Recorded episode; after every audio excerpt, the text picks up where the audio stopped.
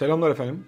Verisi bol, haberi bol hem ulusal anlamda hem uluslararası anlamda bir haftayı geride bıraktık. Ve e, Cuma akşamına kadar Moody's'den Türkiye için bir not en azından görünüm değişikliği bekliyorduk. Fakat bu haber gelmedi. Dolayısıyla bir miktar hayal kırıklığı oldu. E, özellikle haftanın ilk yarısında gerileyen borsa Moody's'den gelecek not görünüm değişikliği ya da not arttırımına ilişkin beklentiler kapsamında biraz yükselmişti. Bunun yanında bir de Fed'in güvercin açıklamaları da hem uluslararası piyasayı hem de e, bizim borsamızı yukarı taşımıştı. Fakat dediğim gibi cuma akşamı bu haberin gelmemesi e, ufak bir moral bozukluğu yarattı. Dolayısıyla yarın sabah açılışta bir miktar negatif seyir izlenebilir. Bir kere bunu not edelim. Ama e, her şeyden öte Moody's'den haber beklerken cumartesi sabahı bir anda e, Merkez Bankası Başkanımız Hafize Gaye Erkan'ın e, Ahmet Hakan'a verdiği röportajla uyandık. Ve röportaj e, normalde Merkez Bankası Başkanı'nın bu şekilde e, mülakatlar vermesine çok alışık olmadığımız için oldukça ses getirdi, yankı uyandırdı. Bunun detaylarına e, az sonra yavaş yavaş gireceğim. Fakat e, ona geçmeden önce piyasalara ve dolara, borsaya bu haftaki seyrine bir bakalım. Daha önce 2-3 haftadır söylediğim gibi e, dolarda yatay seyre geçtik. Yani her hafta 0.5-0.5, %0.5-0.5 artıştan biraz daha yatay bir seyre geçtik. Dolayısıyla bu hafta da 28.93'ten 28.99'a yükseldi dolar ve artış sadece %0.2.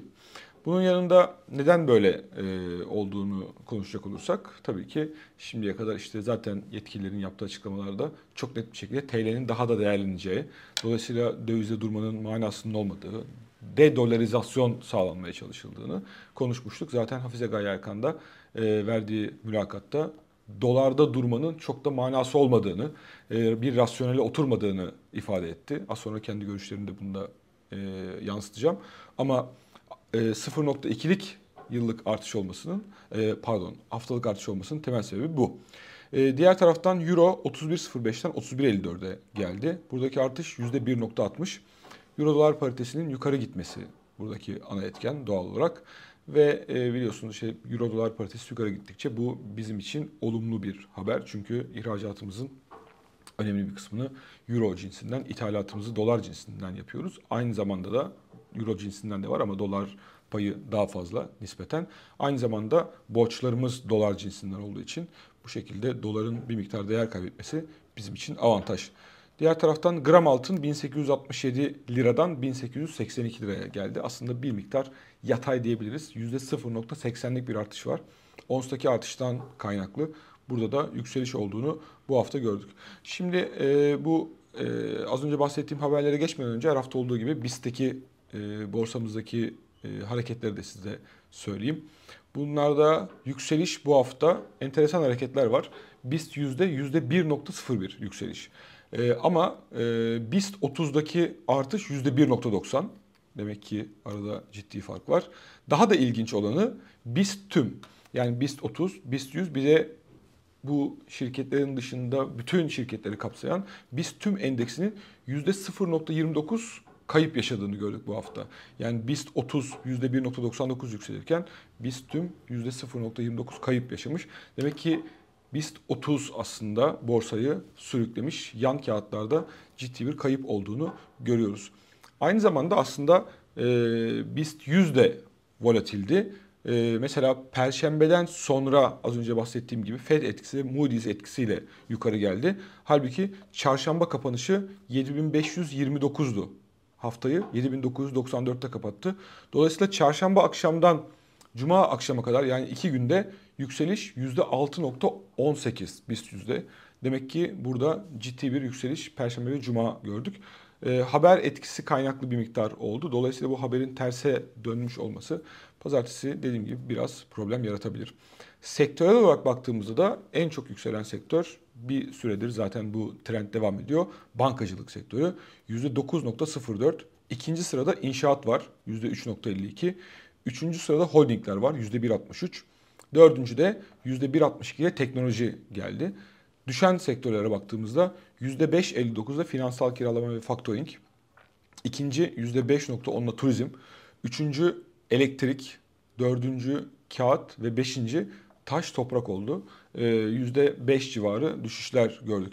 Peki hisse bazında baktığımızda en çok kazandıran tabii ki şaşırmayacağımız bir şekilde bankalardan biri oldu. Akbank 11.84 ile haftayı en çok yükselen olarak kapattı. İkinci Hektaş 10.05 yükseldi. Burası ilginç çünkü genelde biz Sasa ile Hektaş'ın beraber gitmesine alışırız ama bu hafta Sasa'dan bir patron satışı haberi geldi. Dolayısıyla o Sasa'yı aşağı çekti ama Hektaş bundan etkilenmedi. Ee, üçüncü en çok yükselen Yapı Kredi 10.02, dördüncü İş Bankası 9.52, beşinci Enko oldu 8.55 ile. En çok düşenlerde de şimdi söylediğim gibi ilk sırada Sasa geldi BIST yüzde 14.61. İkinci Akfen Gayrimenkul Yatırım 11.43. Üçüncü Pasifik GEO 10.81. Dördüncü Alfa Solar %10'a yakın düştü.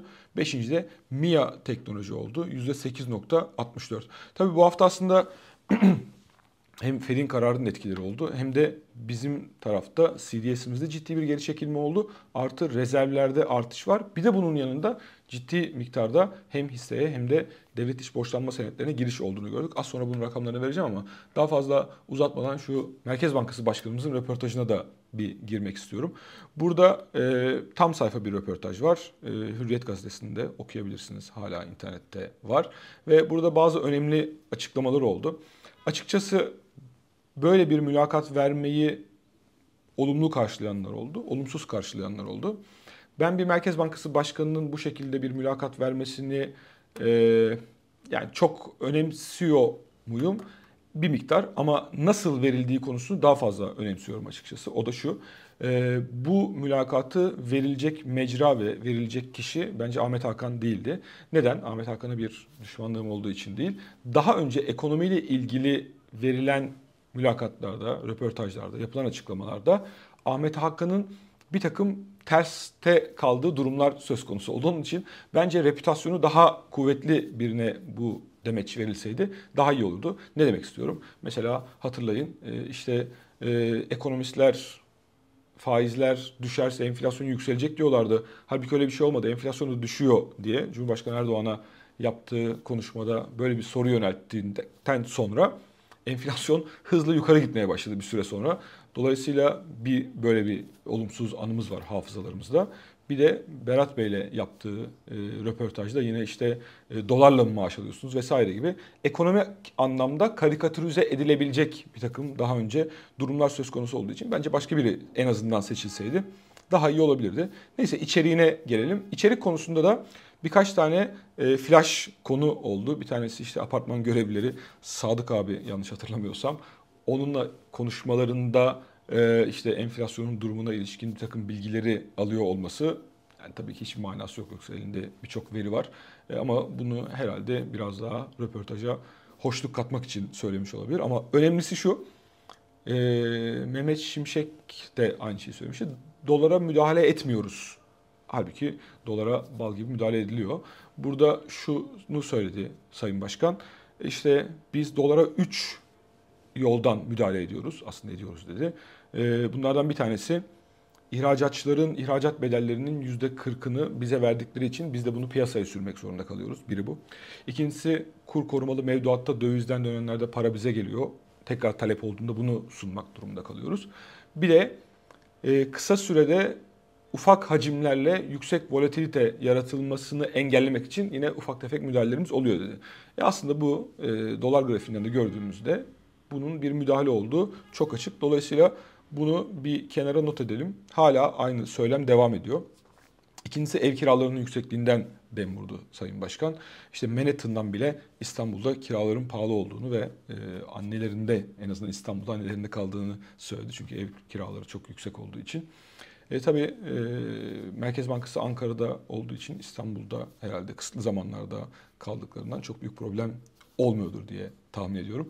Markete gittiğini söyledi. Tebdili kıyafetle diyelim işte saçımı at kuyruğu yapıyorum, eşofmanımı giyiyorum, markete gidiyorum. Zaten beni kimse tanımıyor dedi. Dolayısıyla bunlar aslında bizim alışık olmadığımız samimiyette açıklamalar. Dediğim gibi bunu e, beğenenler var, beğenmeyenler var. Ben biraz daha nötr kalmaya çalışacağım. E, enteresan tarafı şuydu, katılmadığım yerlerinden bir tanesi şu. Türkiye'de çok ciddi bir olumsuz dövize ilişkin bir geçmişimiz var, hafızamız var. Dolayısıyla faizler her ne kadar cazip olsa da, dövizde durmak ne kadar irrasyonel olsa da insanların bu korkudan kaynaklı olarak e, dolara bir şekilde dolardan vazgeçemedikleri durumlar söz konusu oluyor. İşte yüzde beş oraya geçiş oluyor. Bunu anlayamıyorum demişti Sayın Başkan. Halbuki bunda anlaşılmayacak bir şey yok. Türkiye'nin bir miktar gerçeği bu. Dolayısıyla bunu e, anlaması hepimiz için iyi olur.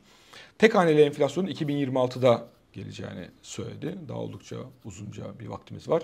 Yurt dışından gelecek fonlarla ilgili konuşmalarını e, deşifre etti, afişe etti diyelim kendi konuşmalarını. İşte bir buçuk milyar doları gördün mü? İşte e, tahvile girdik vesaire gibi yurt dışındaki fonlarla konuşmalarını bir Merkez Bankası Başkanı'nın bu tonda dışarı e, yansıtması bana biraz ilginç geldi. E, diğer ilginç konuda Cumhurbaşkanı'na işte üç tane alan söyleyin, onu şahlandıralım gibi bir e, söylemde bulunması bence gerek olmayan bir konu. İşte savunma sanayini canlandırdık. Buraları da canlandıralım konusu. Bence Merkez Bankası Başkanı'nın böyle bir ayrım yapması sektörler arasında ya da bunu bu şekilde beyan etmesi doğru değil. Çünkü zaten Sayın Bakan Mehmet Şimşek dönem dönem çıkıp kendisi bu konuyla ilgili e, nasıl bir yaklaşım içerisinde olduklarını anlatıyor. Dolayısıyla biz de oradan duyuyoruz. E, yani bir iletişim anlamında Merkez Bankası Başkanı'nın röportaj vermesine karşı değilim ama bunun kendi alanıyla sınırlı olması daha iyi olabilirdi. En azından bunu söyleyeyim. Şimdi e, bunu bir kenara bırakırsak bu hafta piyasa katılımcılar anketi yayınlandı ve piyasa katılımcılar anketinde faiz beklentisi bu yıl sonu itibariyle %42,5'a çıktı. Dolar yıl sonu 29.62'ye düştü. Zaten gidişat da o yıl sonuna geldik. Ve dediğim gibi e, gelmeyen bir Moody's kararımız var. Yatırım yapılabilir seviyenin 6 kademe altındayız. Hala da oradayız. En azından bir e, not görünüm değişikliği bekleniyordu. Maalesef o gelmedi. Dolayısıyla orada çok fazla söyleyecek bir şey yok.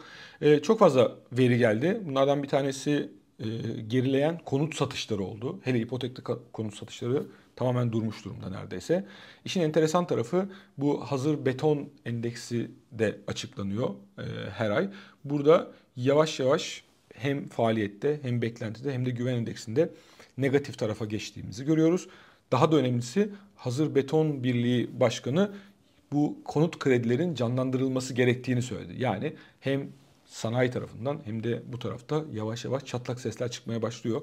Zaten biliyorsunuz en fazla bu programa ilişkin kafalardaki soru işaretlerinden bir tanesi acaba ne kadar dayanacak siyasi otorite? E, ufak ufak sesler çıktığına göre bir takım risklerin de yavaş yavaş birikmeye başladığını söyleyebiliriz. Bütçe rakamları geldi. Bütçe rakamları aslında beklenenden daha iyi. Kasım'da her ne kadar 75-76 milyar lira açık versek de faiz fazlamız 170 milyar lira oldu. Orta vadeli programdan daha iyi durumdayız bu anlamda bütçe tarafında. CDS'imiz çok iyi. 300'ün altına geldik ve e, geçen hafta 326 bas puandı. Burada önemli iyileşme hala devam ediyor. 10 yıllık tahvil faizlerimiz 24.18'den 23.89'a düştü. 2 yıllık tahvil faizlerinde de hafif bir artış var. 37.71'e geldik. Peki rezervler rezervlerdeki artışa bakalım. 8 Aralık tarihli haftada 1.2 milyar lira brüt rezervlerde artış oldu. Özür dilerim 1.2 milyar dolar 141.4 milyar dolara çıktık. Bu Mayıs sonundan beri artış 43 milyar dolar oldu. KKM'deki düşüş devam ediyor ama hız kesti. Bu hafta 13 milyar lira azalış var. Daha önce biliyorsunuz 70-75 milyar liraları görmüştük. 2.7 trilyon liraya geldik. 93,5 milyar dolar yapar. E, işin enteresan tarafı bu hafta önceki haftalardan farklı olarak e, DTH'larda artış var. Parite etkisinden arındırılmış yurt içi yerleşiklerin döviz tevdiat hesapları 490 milyon dolar arttı. Bu çok alışık olduğumuz bir şey değil. Tutar çok yüksek değil ama gidişatın böyle olması e, biraz tat kaçırabilir politik anlamında. İyi haber 562 milyon dolar hisse senedi almış. Yabancılar daha da iyi haber 891 milyon dolarda tahvil alındığını görüyoruz. Dolayısıyla bu e, tahvil stoğumuz, yabancıların tahvil stoğu çok düşüktü.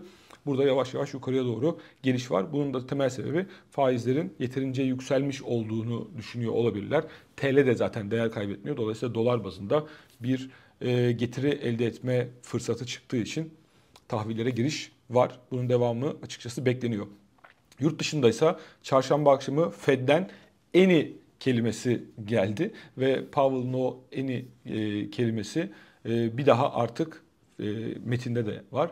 Fed'in faiz arttırımı yapmayacağı anlamına geldi. En azından piyasa böyle anladı. Dolayısıyla bunu çok ciddi bir şekilde kutladı. Sadece bu değil, aynı zamanda işte biliyorsunuz bu seferki FED toplantısından sonra e, projeksiyonlar da açıklandı ve buna göre işte dot plot, işte noktasal grafik geçen hafta bahsetmiştim. Burada önemli bir değişiklik oldu. 3 faiz indirimi öngörülüyor 2024 için Fed'den. Bu e, büyüme tahminini de bu yıl itibariyle 2.1'den 2.6'ya yükseltti. E, Amerika'daki büyümeden bahsediyorum. Enflasyon beklentisi de 3.3'ten 2.8'e düştü bu yıl itibariyle. Çekirdekte beklenti 3.7'den 3.2'ye geldi. Bunlar önemli ama asıl önemlisi 2024 yıl sonu faiz beklentisi 5.1'den 4.6'ya düştü. Yani faiz indirimleri e, az önce bahsettiğim gibi 3 tane olacak gibi gözüküyor. En az piyasa daha fazlasını bekliyor. Ama Fed bile böyle söylüyorsa demek ki faiz indirimlerine e, Mart, Nisan, bilemediniz Mayıs gibi e, geçilecek gibi duruyor. Buna mukabil bu kadar güvercin açıklamalardan sonra tabii ki ABD 10 yıllık tahvil faizleri düştü. 4.23'ten 3.91'e geldik ve çok yakın zamanda daha 23 Ekim'de %5'lerdeydik. Bu kadar kısa sürede %1.10'luk bir düşüş muazzam bir düşüş aslında. Bunun da ciddi etkileri oluyor. Tabii ki bu etkileri nerede görüyoruz? En önce Amerikan borsalarında görüyoruz. S&P 500 yine e, bu hafta 4604'ten 4719'a yükseldi. Buradaki artış %2,5 oldukça kuvvetli. Artı altında yine yükseliş var. 2003 dolardan 2018 dolara geldik. Faizlerin aşağı doğru gitmesi altını bir miktar yukarı çekiyor. Ama hala o e, iki hafta önce gördüğümüz rekor seviyenin üstüne çıkabilmiş değiliz. Dolar endeksinde enteresan bir hareket var. 104.01'den 102.55'e geldi. Yani dolar değer kaybediyor. Bunun da en büyük sebebi işte az önce bahsetmiştik. Buradaki düşüş %1.40. Euro dolar paritesinin yukarıya doğru gelmesi yani euronun değer kazanması 1.0761'den 1.0894'e geldi. Ee, bu hafta hem İngiltere Merkez Bankası hem Avrupa Merkez Bankası'nın da faiz kararları vardı. Herhangi bir değişiklik olmadı. Ama e, en azından Lagarde Powell kadar güvercin konuşmadı. Dolayısıyla Euro'yu bu bir miktar yukarı atmış durumda. Diğer taraftan da petrol fiyatları yatay seyrediyor. Brent petrol 75.84'ten 76.55'e geldi. Burada da o volatilite biraz sönümlenmiş. İşte 80 dolarların etrafında bir denge bulunmuş gibi gözüküyor. Ee, dediğim gibi bu hafta veri yoğun bir haftaydı. Bizim tarafta aynı zamanda da işsizlik, sanayi üretim rakamlarını aldık. İşsizlikte düşüş devam ediyor. %8,5'a kadar düştü ama geniş tanımlı işsizlik hala %20'lerde. Ee, daha da önemlisi sanayi üretimi rakamlarında bir miktar gerileme var. Dolayısıyla bu sıkılaştırıcı politikanın sanayi tarafında da bir takım yansımalarını görmeye başladık. Zaten gecikmeli para politikası etkilerini gördüğümüz için önümüzdeki dönem bir tur daha buralarda olumsuz rakamlar görme ihtimalimiz söz konusu. Önümüzdeki hafta tekrar görüşmek üzere. Bu haftalık benden bu kadar. Bol kazançlar.